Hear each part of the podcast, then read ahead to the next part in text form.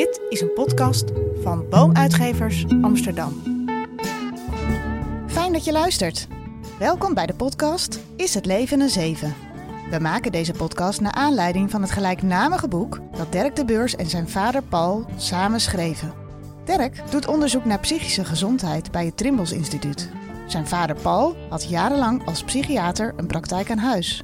Je kunt meer informatie vinden over hun boek Is het leven een zeven via boompsychologie.nl slash leven 7. In deze aflevering praten vader Paul en zoon Dirk over de uitspraak... Gelijk is geen geluk.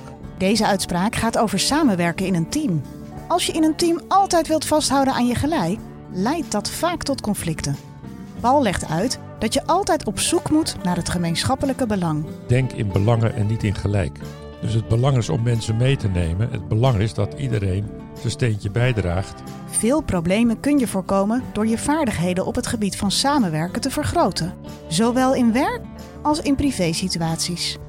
Door coaching en mediation kon Paul naast zijn werk als psychiater bijdragen aan preventie. En daar had hij veel plezier in. Is ook veel leuker om mensen te, te begeleiden voordat ze on- ontregelen. En, en eigenlijk de gereedschapkist te vergroten van hoe ga je nou om met samenwerken. Wat natuurlijk hanteren is van conflicten, niet het vermijden daarvan. Ja. Dat is een oude regel van ons. Ja, mooie uitspraak ook. Dat is het gewoon zo. Het moet natuurlijk ook af en toe een beetje schuren. Hè. Mooie positieve framing is eh, zonder wrijving geen glans. Maar wrijving hoort erbij. Het hoort thuis, hoort dat. Maar het is nogal een vaardigheid om dan je emoties te hanteren. Om niet in je gelijk te gaan zitten. Om in belangen te denken. Leer in deze aflevering meer over het denken in belangen, het gebruiken van de systeemdriehoek en over waarom je gelijk halen je geen geluk brengt. Paul, we gaan het nu hebben over een coachingsuitspraak van jou. Iets dat je ook dus eigenlijk buiten je, je psychotherapiepraktijk gebruikt. De uitspraak is gelijk is geen geluk. Kan je daar voor ons de kern van samenvatten? Ik moet zeggen dat het niet alleen maar eh, in de coaching is of in de mediation, maar ook eigenlijk wel in de praktijk. Algemeen is de kern van deze uitspraak dat het vasthouden aan je eigen gelijk, aan, aan jouw waarheid, meestal tot conflict leidt en niet tot een geluk eigenlijk. Dus het conflict met de ander en vooral als die ander ook eh, vasthoudt aan zijn eh, waarheid of aan zijn gelijk, dan krijg je een escalatie van conflict. En conflict is geen geluk. Nee. En eh, kan je iets vertellen over de casus? Het gaat over een Omar die eh, daar als leidinggevende met zijn team tegenaan loopt. Ja, Omar is een, ehm, een man van eind 40. Is de oudste uit een immigrantengezin. Had heeft nog eh, vier jongere zusters. Is eigenlijk degene die eh, de trots is ook van de familie. Heel goed geïntegreerd, heel succesvol. Talenten, heel precies, heel punctueel. Inhoudelijk sterk. En hij kwam eh, inderdaad in coaching in plaats van in therapie. door zijn werkgever, waar ik al jaren werk voor deed. Met als probleemstelling dat hij conflicten kreeg eigenlijk in het team. Omdat hij voortdurend eigenlijk zijn visie en zijn aanpak, zijn manier van werken als de enige juiste zag. Dus voor hem was zijn gelijk was het belangrijkste. En dat botste dus met eh, het gelijk of de visies van anderen en met name van zijn medewerkers. Hij gaf ook leiding aan eh, acht medewerkers. En zijn leidinggevende die heeft toch gezegd van ja, het lijkt me toch goed om dat handvaten te leren over je stijl van leiding geven. En had hij dan zelf ook echt eh, psychiatrische klachten?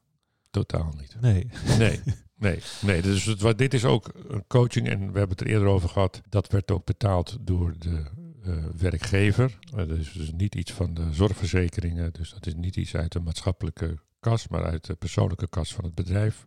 Die er belang bij heeft om, eh, om hem wat meer vaardigheden te leren. Om die gereedschapkist van samenwerken voor hem te vergroten. Ja, ik moet dan denken aan, ik weet niet meer wie het zei, maar dat er, dat er ook mensen zijn, vooral met persoonlijkheidsstoornissen, die eigenlijk niet zelf voor behandeling komen voor hun problemen, maar die vooral zeggen, ja, andere mensen hebben zo'n last van mij. Ja. Maar dat lijkt me wel voor de therapeutische relatie, als er niet een duidelijke hulpvraag is, wel ingewikkeld. Dat is heel ingewikkeld. Eh, er zijn nogal wat mannen die gestuurd werden door hun echtgenoten. Dan werd ik eh, gebeld door een echtgenote van ik wil mijn man graag aanmelden. Ja, hij wil het zelf eigenlijk niet, maar ik vind echt wel dat het van belang is dat hij een keer gaat praten met iemand. Mijn antwoord was stevast, nou, fijn dat u belt, maar het is heel belangrijk dat uw man zelf de afspraak maakt. En dat gebeurde nooit. Dat gebeurde soms Ja. en dan eh, kwam de man ook binnen van ik ja, ik zeg, u bent gestuurd hè, geloof ik. Zo begonnen we dan ook. Meestal lukt het toch wel om, om te kijken of er ergens een, een grond was of een reden was om toch een, eh, Ja. een gesprek aan te gaan. Er is altijd wel een reden voor een gesprek. Er is zeggen. altijd een reden voor een gesprek. Ja, ja. Eh, maar dus met Omar begon je op die manier. Dus hoe, hoe start je dan? Want als er de hulpvraag is, dan vraag je natuurlijk van nou, eh, ik kan me zo voorstellen dat je begint met wat kan ik voor je doen? Wat voor klachten zijn er? En bij Omar begon je natuurlijk niet zo. Dus, dus hoe steek je dat dan in? Wat bij Omar en wat ook als er veel weerstand is, hè, want dat is natuurlijk een soort, een soort ja, drempel en een soort weerstand eh, ontmoet je. Dan is het natuurlijk ontzettend belangrijk om die, die, waar we het eerder over hadden, die work alliance, dat, dat contact te krijgen. En wat dan Ja. enorm helpt is, en dat is ook ontzettend belangrijk voor de diagnostiek of voor het, het beeld krijgen van het probleem, is een levensgeschiedenis doornemen. En dat was eigenlijk heel leuk, want hij was terecht heel trots op wat hij had bereikt en hoe hij het gedaan had. En dan probeer je al geleidelijk aan uit te vragen in overgangs van levenssituatie. Hoe is het daar gegaan? Heb je daar eerder, liep je tegen dingen aan of liepen mensen tegen jou aan, tegen jouw manier van kijken op de zaak? Dus probeer je al een beetje, want het verleden vertelt natuurlijk heel veel over het- het heden. En ga je dan helemaal terug naar de basisschool? Ja, Ja. ja, ja. Kleuterschool, peuterschool? Ja, de herinneringen, dat is het lastige natuurlijk. Onze geheugen, dat wordt een beetje gewist bij de leeftijd van een jaar of zes. Behalve Ja. de hele affectief gebonden, de emotioneel gebonden geheugen. Dat blijft nog wel, maar de natuur heeft ervoor gezorgd dat er een soort wissing komt van allerlei herinneringen. Waardoor je eigenlijk in staat bent om allerlei kennis tot je te nemen. Dus wat dat betreft ook wel mooi gedaan van de natuur.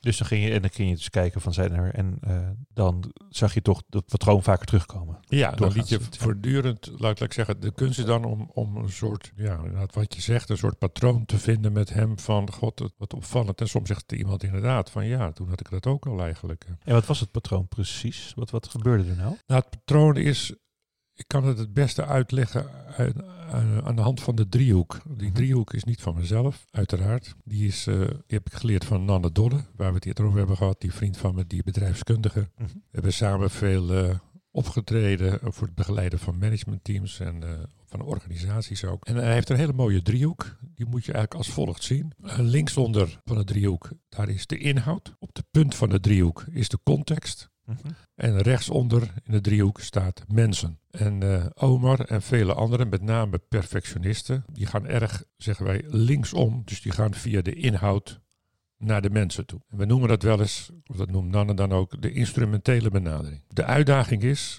om rechtsom te gaan. Dat noemen ze de systemische benadering meer. Ja. Heel goed de context te snappen, dan de mensen mee te nemen en dan naar de inhoud toe te gaan. Dus dan begin je niet, ook, je begint er ook niet meer vanuit de inhoud dan. Juist. Je neemt een ander startpunt. ander startpunt. De reden is dat je vaak niet op hetzelfde niveau zit qua inhoud met elkaar. Hoe bedoel je dat precies? Nou, wat jij ziet als het belangrijkste of als de taak, hoeft een ander niet zo te zien en niet Ja, zo te ervaren. Ja. Eh, bij Omar, die heeft uiteindelijk geleerd om rechtsom te leren denken, om via de context, de mensen, naar de inhoud te gaan. Waar hij helemaal gelijk aan had. Het gaat op je werk natuurlijk uiteindelijk om de inhoud. Je zit er niet alleen voor de relatie. Het moet ook geen, wat ik wel eens gekscherend zeg, geen dagbehandeling worden voor het personeel. en dat, dat allemaal, eh, maar je moet wel de mensen meenemen. En Ja.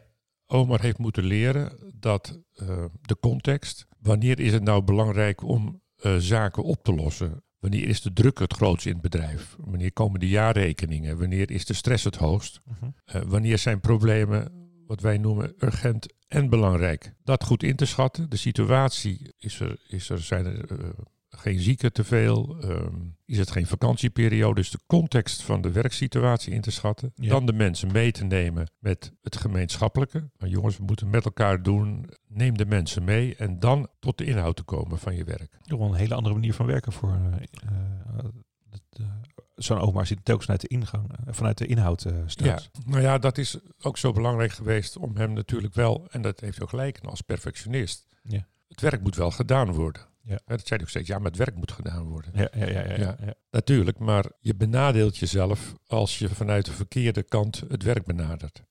Ja. Een van de meest cruciale dingen, ik kan het niet genoeg noemen, wat ik geleerd heb van de mediation, en wat ik ook bij, bij eh, Omar heb kunnen inbrengen, wat je vaak weer kwijtraakt, is het begrip belang. Denk in belangen en niet in gelijk. Kun je er iets meer over vertellen? Nou ja, Omar dacht dat hij gelijk had. Als hij Ja. dus op de inhoud van het werk alleen maar ging. Maar het was niet het belang, ook niet voor het werk en ook niet voor Omar. Nee. Het belang is uiteindelijk dat mensen meegenomen, want die moeten het werk uitvoeren. Dus het belang is om mensen mee te nemen. Het belang is dat iedereen zijn steentje bijdraagt, ook in het belang van oma, dat het werk wordt gedaan. Ja, en het lijkt nu wel de hele tijd of oma ook echt daadwerkelijk altijd gelijk heeft. Dus dat ik, ik kan zelf ook graag denken dat ik altijd gelijk heb. Maar nu ik ouder word, zie je ook wel in dat je dus niet eh, altijd gelijk hebt. Dus moest je daar ook nog wat aan sleutelen? Want het lijkt nu alsof je gewoon een handige manier moest vinden, een soort loophole waardoor hij wel alsnog zijn gelijk kon krijgen. Nou ja, maar gelijk is geen geluk, hè, zeg ik. Dus, dus, dus je moet het gemeenschappelijke zien te bereiken. Ja. En hoe krijg je nou gemeenschappelijkheid de werkvloer? Dat krijg je door met elkaar toch het eens te zijn van waarom zitten we hier bij elkaar? Wat willen we met elkaar? Wat willen we wat is onze visie op dingen en wat willen we bereiken met elkaar? Dus je moet het gemeenschappelijke doel creëren. Ja. Noemen ze het Engels noemen ze het purpose. En hoe gaan we met elkaar om? Een beetje de normen en waarden. Hoe Ja. ga je nou met elkaar om? Die twee dingen zijn ontzettend belangrijk om de verbinding met elkaar te krijgen. Ja. En als iemand zelf zijn eigen doel stelt, zoals Omar deed, Ja. dan dien je ook eigenlijk niet het doel van de organisatie. Dan dien je eigenlijk meer je eigen visie en je eigen ja, inhoud en belang. Ja, nou ja, ik denk dat ook eh, veel van dat soort relaties in het informele contact meer gaan. Dus, dus ook gewoon dus in het non-verbale en in de, de, eh, de, de teambuilding die je hebt. En ik merk wel, ik ben zelf dan begonnen voor het eerst als leidinggevende in coronatijd. Eh, dat maakt het extra uitdagend om zeg maar niet vooral te zenden, want je voelt die interactie dan niet meer. Dus dan is het, ik merk dat ik het nu erg lastig vind, juist om die context ook goed te voelen. Ook hoe anderen erin staan, omdat je zit gewoon op je kamer tegen een computerscherm te praten. Ja, ja. Nee, je bent je veel minder bewust van de context Ja. met elkaar. En dat is jammer, omdat daar, daarmee begint het allemaal. Wil je meer weten over Is het leven een zeven? Of het boek van Dirk en Paul bestellen? Voor jezelf, een vriend, je vader of je zoon? Ga dan naar boompsychologie.nl slash leven 7. Ik denk dat ik toch van deze podcast gebruik wil maken om iets wat we in het boek niet hebben kunnen beschrijven. Er was geen plaats meer voor. Is ook iets wat ik heb geleerd van, de, eh, van het boek van de Fischer, Petter en Uri over excellent onderhandelen. Dat is de probleemoploscirkel. Want dat heeft Omar ook namelijk enorm geholpen. Ja. Je moet je dan een cirkel voorstellen met vier gelijke delen.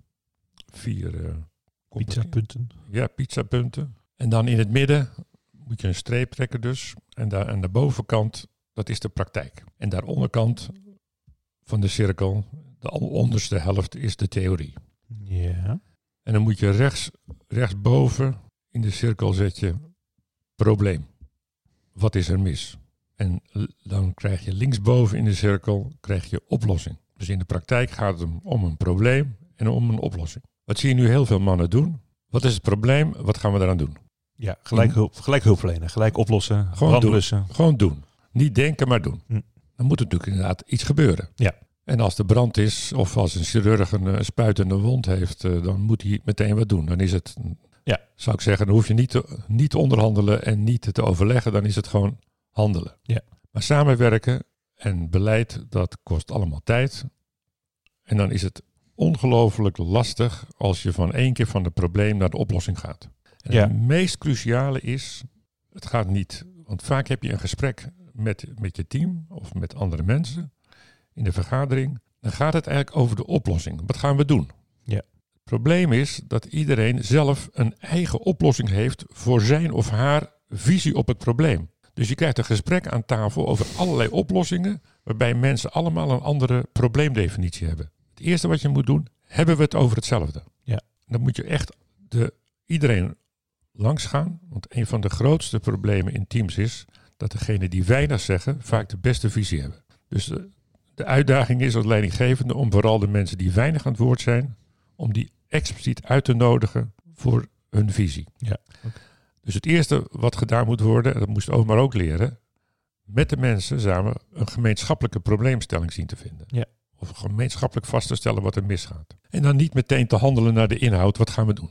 Nogmaals, dit is een klassiek mannenprobleem. Wat vrouwen beter kunnen is de theorie, dus aan de onderkant van de cirkel. Dat is rechtsonder in, dat, in, dat, in die pizzapunt. Mhm. Dat is de analyse. Je moet een analyse maken van het probleem. Je moet analyseren, hoe komt het nou?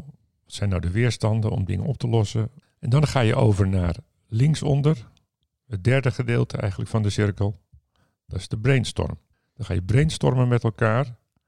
En een van de voornaamste dingen in het brainstormen is de randvoorwaarden voor een goede keuze. En als je dat met elkaar doorneemt, dan rolt die oplossing er vanzelf uit. Ik zal een voorbeeld geven, Graag. want ik zie je nogal... eh, Nou ja, ik zie die pizzapunten denken. Ik had een maatschap in een ziekenhuis en die eh, lukte me niet om goed te vergaderen. Ja. Want er was eh, ja, dan één keer in de week, dan één keer in de tien dagen. Het was eh, wisselende tijden. Dus we hebben vastgesteld met elkaar, wat is het gemeenschappelijke probleem? Nou, daar kwamen ze vrij snel uit. Het lukt ons niet om goed te vergaderen. Dan hadden de mannen de neiging van, nou dan gaan we voortaan één keer in de week op dinsdagavond. Maar die Mhm. gingen meteen dus weer de oplossing in. Zei, nee, laten we eerst een analyse maken van het probleem. Hoe komt het nou dat jullie niet goed vergaderen? Het bleek dat ze geen goede agenda hadden. Ze hadden niet een wisselend voorzitterschap. Ze konden niet allemaal, omdat ze ook parttime werkten, niet iedereen kon erbij zijn. Hoeveel mensen heb je nou nodig voor een goede vergadering? Dus eerst vaststellen wat je nodig hebt. Dus was in die brainstorm hebben we allerlei criteria met elkaar doorgenomen van waar moeten we gaan aan voldoen. Ja. Notulen, voorbereiden, eh, aanwezigheidsquota. En toen rolde er vanzelf op een gegeven moment op donderdagochtend van 8 tot 9 eh, rolde er vanzelf eigenlijk een tijd uit. En dat, dan heb je een gedragen oplossing. In plaats van dat je weer een, een Poolse landdag krijgt van eh, nee, donderdag, nee, dat kan ook niet. Nee, dan, dan vrijdagmiddag. Ja, ja, nee, ja, laten ja. we dan maandagochtend doen. Dat is heel herkenbaar helaas. Eh, ja. Dus nou ja, dat is bij Omer ook. en daarmee lukt het hem ook om van, vanuit die gemeenschappelijke probleemstelling om die, die mensen mee te leren nemen. En met name vrouwen in je team zijn heel goed in het analyseren. Wat ik heel grappig vond bij dokters, Ja. wat ik nog heel veel met die maatschappen heb gestoeid. In hun werk hebben ze, doen ze alles. Ze zien een patiënt met een klacht. Ja. Ze analyseren het in hun hoofd. Ze denken bij zichzelf, zal ik dit doen, zal ik dat doen? En ze zeggen, nou, volgens mij gaan we dit. Dus ze, ze passen die cirkel toe zodra er een patiënt met een klacht komt. Maar zodra ze gaan samenwerken, verliezen ze alle vaardigheden van de diagnostiek en het stappen. Ja, ja, ja, ja, daar zijn ze misschien ook gewoon niet op, in opgeleid. Eigenlijk om eh, Nou, dat is het. goed samen te En werken. het, die, die probleemoploscirkel die hangt in hele veel maatschappen eh, ruimtes. Het een enorme goede manier is om terug te gaan. Dus die cirkel is belangrijk. Ja. En dan weer het woord belang. Ja. Jongens, wat is nou het belang? Ons gezamenlijk belang. Wat is nou het gezamenlijk belang met elkaar? Ja. In plaats van, ja, maar ik wil dit, ik wil dat. Dat, dat gelijk weer. Ja, ja. Dat is geen geluk, nogmaals. Ja, ehm, dat lijkt me best een heftig traject ook om in te gaan. Dus hoe lang, maar zo'n coaching, eh, eh, dat kon natuurlijk ook niet jaren duren, want het werd natuurlijk betaald door het bedrijf zelf. Dus kreeg je dan gewoon een paar sessies die van tevoren vastgesteld, hoe dat dan moest? Of hoe? Ik deed een offerte altijd van acht tot tien sessies. Oké. Ja. Want daarmee ga je, kijk, het, het is dan niet een zozeer enorme intrapsychische problematiek. Het is meer een interactionele thematiek. Het is werkgerelateerd. Ja. Dat was ook heel duidelijk. Ja. Als iemand echt meer nodig had, dan ging ik hem ook niet zelf behandelen, maar dan stuurde ik hem door. Oh, je nam het dan niet over. Dus niet dat Nee. je dan mensen zag van, oh, dit is eigenlijk meer psychiatrie. Nee. Nee. Nee. Want dat was toch, de, dan kreeg je een rollenvervaging. Ja, en of ik stopte dan de coaching. Ik zei, ja, het lijkt mij toch veel beter als u in behandeling gaat bij eh, mijn collega bij die.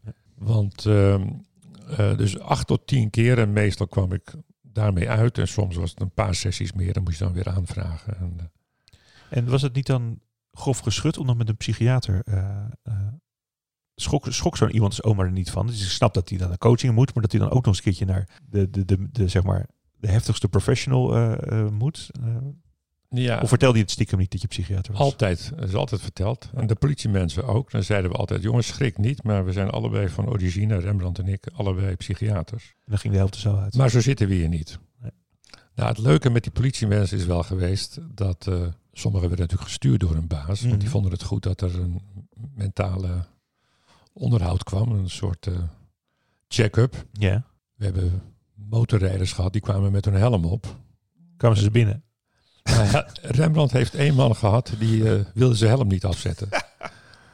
En Rembrandt is een enorme humorist, dus die zei, dat is prima, maar dan kunt u ook geen koffie drinken bij mij. Zou het in ieder geval dan niet erg vinden om voor het koffiedrinken even uw helm af te zetten. En geloof het of niet, de ervaring was, eh, ook bij deze man moest hij na een uur later die man echt uit zijn deur zetten, want die begon eenmaal zijn verhaal te vertellen. Ja, ja, ja. En dan brak hij helemaal los over de organisatie, over allerlei... eh, Want, eh, eh, eh, wat trok je dan toch zo aan om dit te doen naast je psychiatriepraktijk? Want je zit natuurlijk in een heel ander vakgebied, waar je natuurlijk vooral met ziekte bezig bent. En ehm, coaching lijkt dan iets naar het gewoon voor coaches en niet per se voor de psychiater. Ehm, en, toch heb je het met heel veel plezier en ook veel gedaan. Kon je altijd heel enthousiast vertellen over je werk met, met je, je twee collega's. Nou ja, een van de, een van de voornaamste redenen waarom ik het zo leuk vond, ik geloofde altijd al in preventie. Wat ik heel vervelend vond, ik kreeg mensen vaak onder behandeling met een depressie of een angststoornis, uh, of met een burn-out waar we het vorige keer over hebben gehad. Uh, en dan bleek er een conflict op het werk, of een conflict thuis te zijn, of een conflict in de familie. Ja.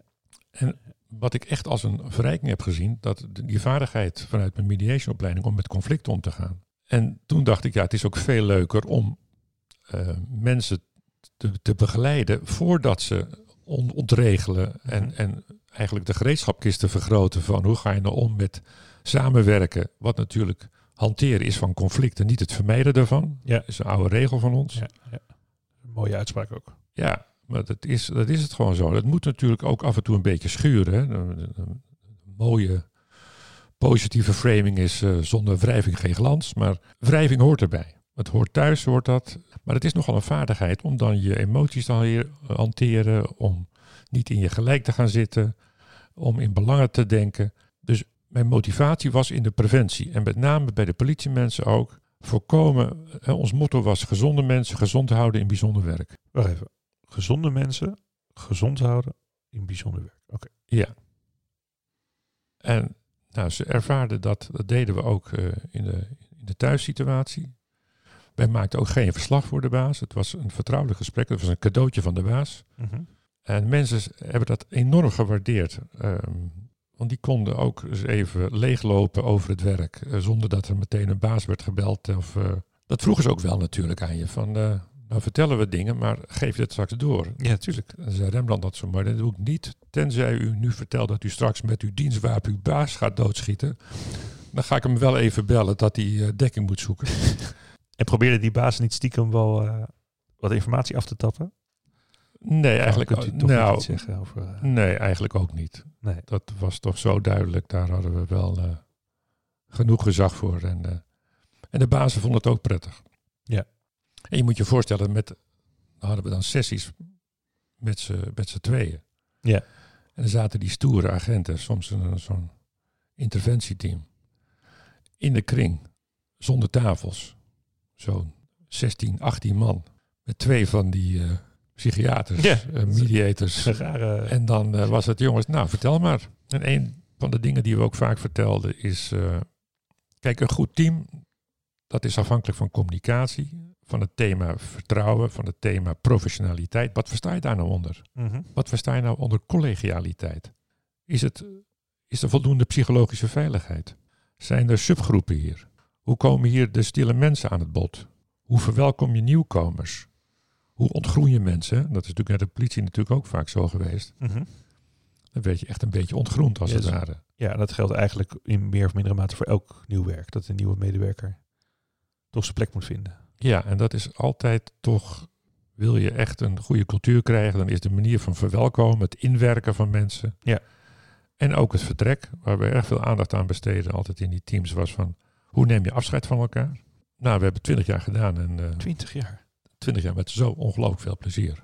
Je gaat ook helemaal, dat kan de kijker natuurlijk, eh, de luisteraar niet zien, maar je, je gaat helemaal glimmen ervan. En dat weet altijd weer heel enthousiast over. Dus het is ook iets met die politie geweest wat je zo nou mooi vond. Die politiemensen, vooral, nou ja, hoe lager in rang, hoe leuker ze waren, zeiden we wel eens. Ja. Hoe hoger, hoe meer ze alweer besmet waren met het machtsdenken of het positiedenken. Ja. En niet in belangen denken. What you see is what you get. Agenten kunnen geen toneel spelen die zijn gewoon zo eerlijk en zo oprecht. Dat, uh, zo loyaal. En uh, nou ja, we hebben dat altijd heel leuk gevonden. Ja. En zag je dan juist in je praktijk altijd juist mensen die natuurlijk dan uh, wel hoog opgeleid waren. en dus ook wat daar minder what you see, what you get is? Oh, zeker. Ja. Zeker. Nee, hoe, hoe slimmer ze waren, hoe hoger ze waren, hoe meer schuivende panelen je zag. Ja. En hoe meer het van belang was om vanuit uh, een goed werkcontact toch ook die vertrouwelijkheid te krijgen en die openheid te krijgen. Ja, ja. En je hebt het dus altijd gecombineerd, je coachingspraktijk en je thuispraktijk dan? Ja, ja. ja. Nou, vanaf, vanaf 99. Daarvoor heb ik alleen maar een, uh, een psychiatrische praktijk gehad en daarna heb ik het gecombineerd. En deed je het dan ook, eh, was het in dezelfde werkkamer? Dat weet ik eigenlijk helemaal Ja. niet. Of, ja. Ja. ik kan me niet herinneren dat er gierende politie-sirenes eh bij ons waren. Dat, eh, Heb je dat? Nee, dat heb je niet meer meegemaakt. Maar er stonden vaak motoren, soms wel één of soms wel twee motoren, dat de een wacht op de ander. oh, meestelijk. En dan dacht de buurt van, Wat is er aan de hand? wat is hier aan de hand? Ja. Politieauto's. Ja. eh, We dachten het altijd al, die de beurs, die Ja. klopt niet. ja, Nee, dat was natuurlijk al het huis, dus dan heb ik het niet, eh, niet zo gezien. ja.